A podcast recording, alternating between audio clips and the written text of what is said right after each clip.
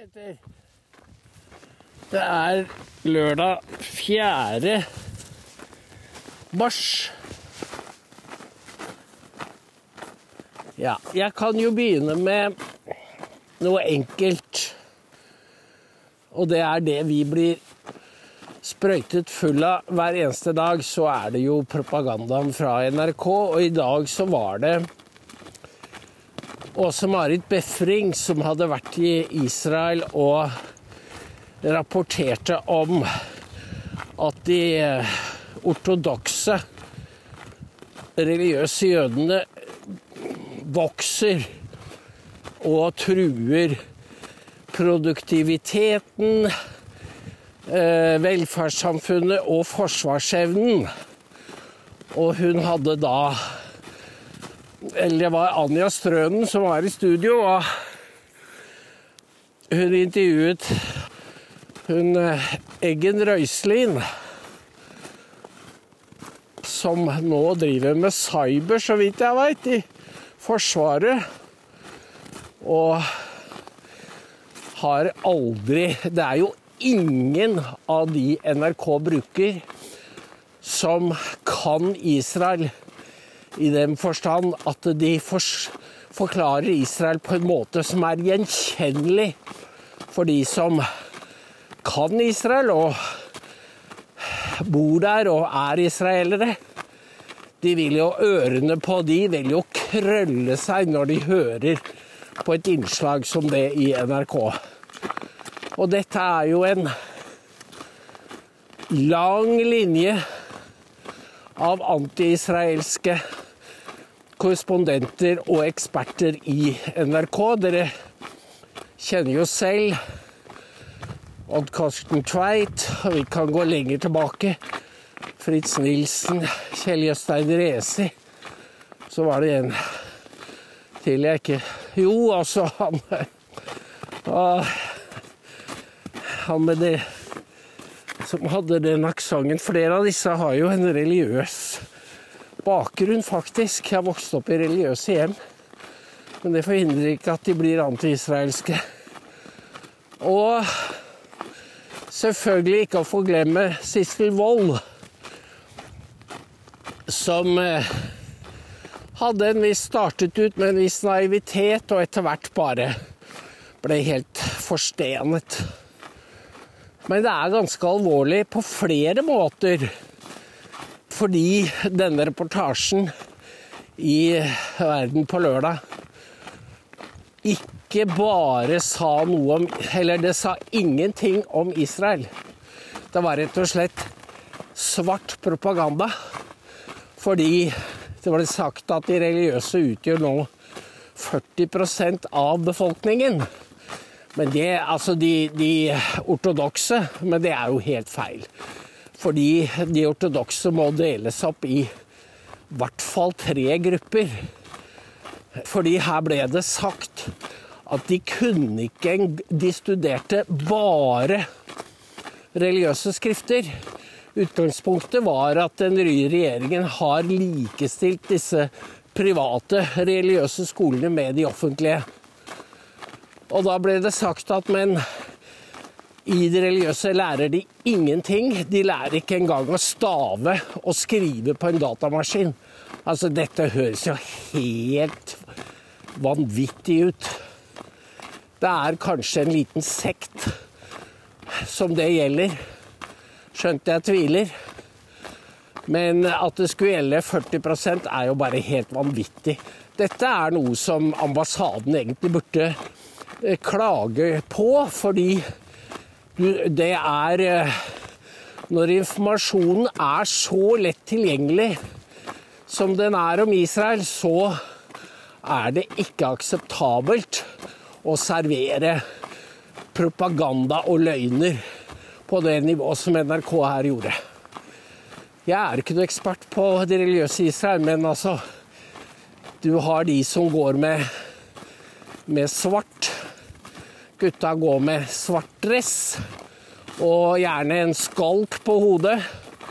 Og de blir jo kalt haredim, de svarte. Og sekulære vanlige israelere de kan ikke fordra dem, fordi de er riktig at de er sosiale. De lever på det offentlige. Så har du da de som går med korketrekkerkrøller. Og da snakker vi om de ortodokse.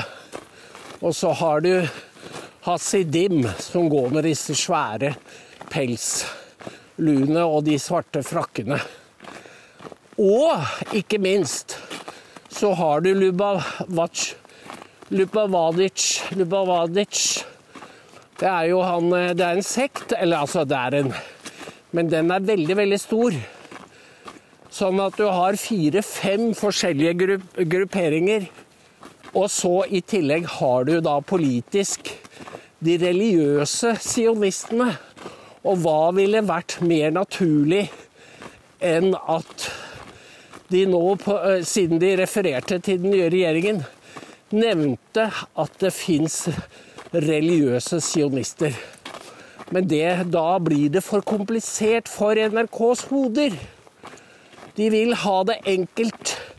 De vil ha det til at om Fordi disse folka får i gjennomsnitt syv barn, så vil de doble seg innen 2040. Sånn at de vil komme opp i 60% av befolkningen. Og da var det Hilde Eggen Røiselin sa da løser det demografiske problemet seg selv. For disse folka avtjener jo ikke verneplikt. Så hun antydet da på en måte at da vil det være lett og mye lettere å løpe Israel over ende. Det må jo ha vært det hun tenkte på. Dette var usmakelig. Og alle som kjenner, kjenner eh, litt til Israel, vet jo at 40 av befolkningen er ikke analfabeter. Jeg har aldri hørt noe sånn sprøyt. De ønsker ikke å gi et nyansert bilde av Israel, fordi da blir det ikke så lett å henge ut Israel. Det er, det er kjernen i det. Men så har du det derre med dumhetens bumerang. At hvis du forenkler virkeligheten lenge nok, så vil du til slutt sitte igjen som stokk dum. Og det er der NRK her har havnet både i forhold til Israel og i forhold til USA. Det er rett og slett bare sprøyt, det de sier. Nå var de jo, dekket de jo også CPAC, den konservative konferansen som går denne stabelen denne helgen utenfor Washington. Og det eneste de har å servere, er jo at republikanerne er Magafløyen er rablende. De har jo ikke noe annet. For de kan ikke gå inn på det som er motsetningene. De håper bare at det ikke blir Trump igjen. Men det gjør det jo. Det var en meningsmåling fra Rasmussen som eh, viste at rundt 80% av republikanerne og noen og 70% av demokratene vil at all informasjon om 6.1 skal komme på bordet. Og implisitt så sier de da at de stoler ikke på det som er lagt frem av denne Select Committee og av det mediene kommer med. Det er en tillitskløft i favør av Trump som er helt enorm. Og den kan jo ikke NRK og norske medier ta i, fordi det er som å sitte på en høy tue som bare svaier, og det skal bare et vindstøt til, så blåser den over ende. Tilbake til, til Israel, fordi det var alle som hørte den reportasjen, måtte jo tenke Men unnskyld meg, er ikke, er ikke dette beskrivelsen av et muslimsk samfunn? Gå bare til Gaza. Der har de, hadde de i hvert fall åtte barn i gjennomsnitt. Hvorfor lager ikke NRK en tilsvarende reportasje om Gaza? Eller Norge og Sverige og Danmark, for den, sak, for den del. For det er akkurat samme problemstilling. De vil ikke lære den sekulære kunnskapen. De insisterer på sin egen versjon. Og i Danmark så viste måling at 77% ville helst ha sharia. De ville ikke følge dansk lov. Jeg tipper det samme er tilfellet i Norge. Det er ikke noe unntak fordi muslimer som kommer til Vesten, går i forsvar. Som eh, Helene, hun kona til Basim Gosland, sa, muslimer er ikke vant til å leve i mindretall. Men nå gjør de noe med det, for de får så mange barn at de, de har allerede fått blitt en betydelig maktfaktor. Og dette, dette konfliktstoffet jo, har jo folk i bevisstheten når de hører på vrøvlet fra Åse Marit Befring og Anja Strønen. Og eh, NRK blir Det er jo Jeg vet ikke om man skal le eller gråte, men akkurat som CNN og New York Times, de blir mer og mer ideologiske, forstenet, og de klarer ikke hoppe over sin egen skygge. De er ikke lenger journalister. Det er som de er snytt ut av nesa på AKP, AKP ML og Lenins agitprop. Fordi det var Lenins glansnummer. Det var agitprop. Agitasjon og propaganda. Men dette overbeviser Jo, så var det én historie til som var helt utrolig. Og det var fra Orknøyene. Dette må jeg skrive om, fordi det var Dette er fremtiden for landets innbyggere. På Orknøyene, der vet dere, der er det forblåst. Så der kryr det av vindturbiner. Og de produserer mer strøm enn befolkningen kan bruke. Men det betyr ikke at strømmen er billig. Tvert imot. Den er så dyr at folk har ikke råd til å bruke den.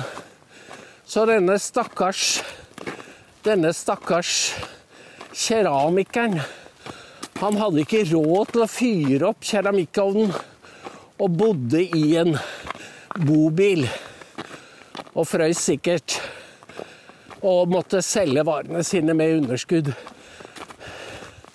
En bonde i nærheten, han greide seg fordi han hadde en vindturbin selv og kunne eksportere strøm. Men det er, dette er fremtiden. Vanlige folk i Norge kommer ikke til å ha råd til å bruke den strømmen som vi sender sørover til kontinentet. Og det er jo allerede situasjonen for en god del. Og de høye herrer, de lener seg tilbake og tar det med ro. Og ofrer ikke disse på bunnen en tanke. De er blitt bunndyr, som Kent kalte det. Og vi ser denne konstellasjonen i, demonstrert i Fosen. Fordi det er samer, så kan ikke regjeringen bare overkjøre dem. Så det er helt riktig som det er påpekt. Hadde dette vært noe fiskevær med nordmenn, så hadde de, hadde de ikke lea på øra engang. Men fordi det er samer, så har de, har de en kapital som nordmenn i Viken og andre steder ikke har. Så de får så øra flagrer, og det fortjener de. Nå var det siste var AUF, sentralstyremedlem i AUF, som rykket ut og sa at regjeringen burde skamme seg. Så jeg tror dette blir Dette blir knall og fall For Støre-gutten, han har overvurdert sine eh, venner i Brussel og Berlin. De, deres makt rekker ikke til Fosen. Så han fortjener rett og slett å gå på snørra og foreta et ydmykende tilbaketog. Sånn er politikken. De har selv lagt opp til det og må steke i sitt eget fett. Husk Hanne 13629. Og så vil jeg bare si at det vi sendte på TV i går, det var en beta som var improvisert der og da, men som har gitt stoff til ettertanke. Så vi skal vi, vi, har tenkt mer over formatet og hvordan vi skal gjøre det. Fordi det går an å gjøre ting på TV som du ikke kan gjøre på en pod. Og så er det Så er det mm, Lars som har begynt å legge poddene rett ut når han nå får dem. Og det viste seg å være veldig smart, for det, det gikk en halv time, så hadde to Ja, var det 300 som hadde lastet den ned med en gang. Så her er det bare Kjør på. Det er vårt motto. Kjør på. Takk for i dag. Hei.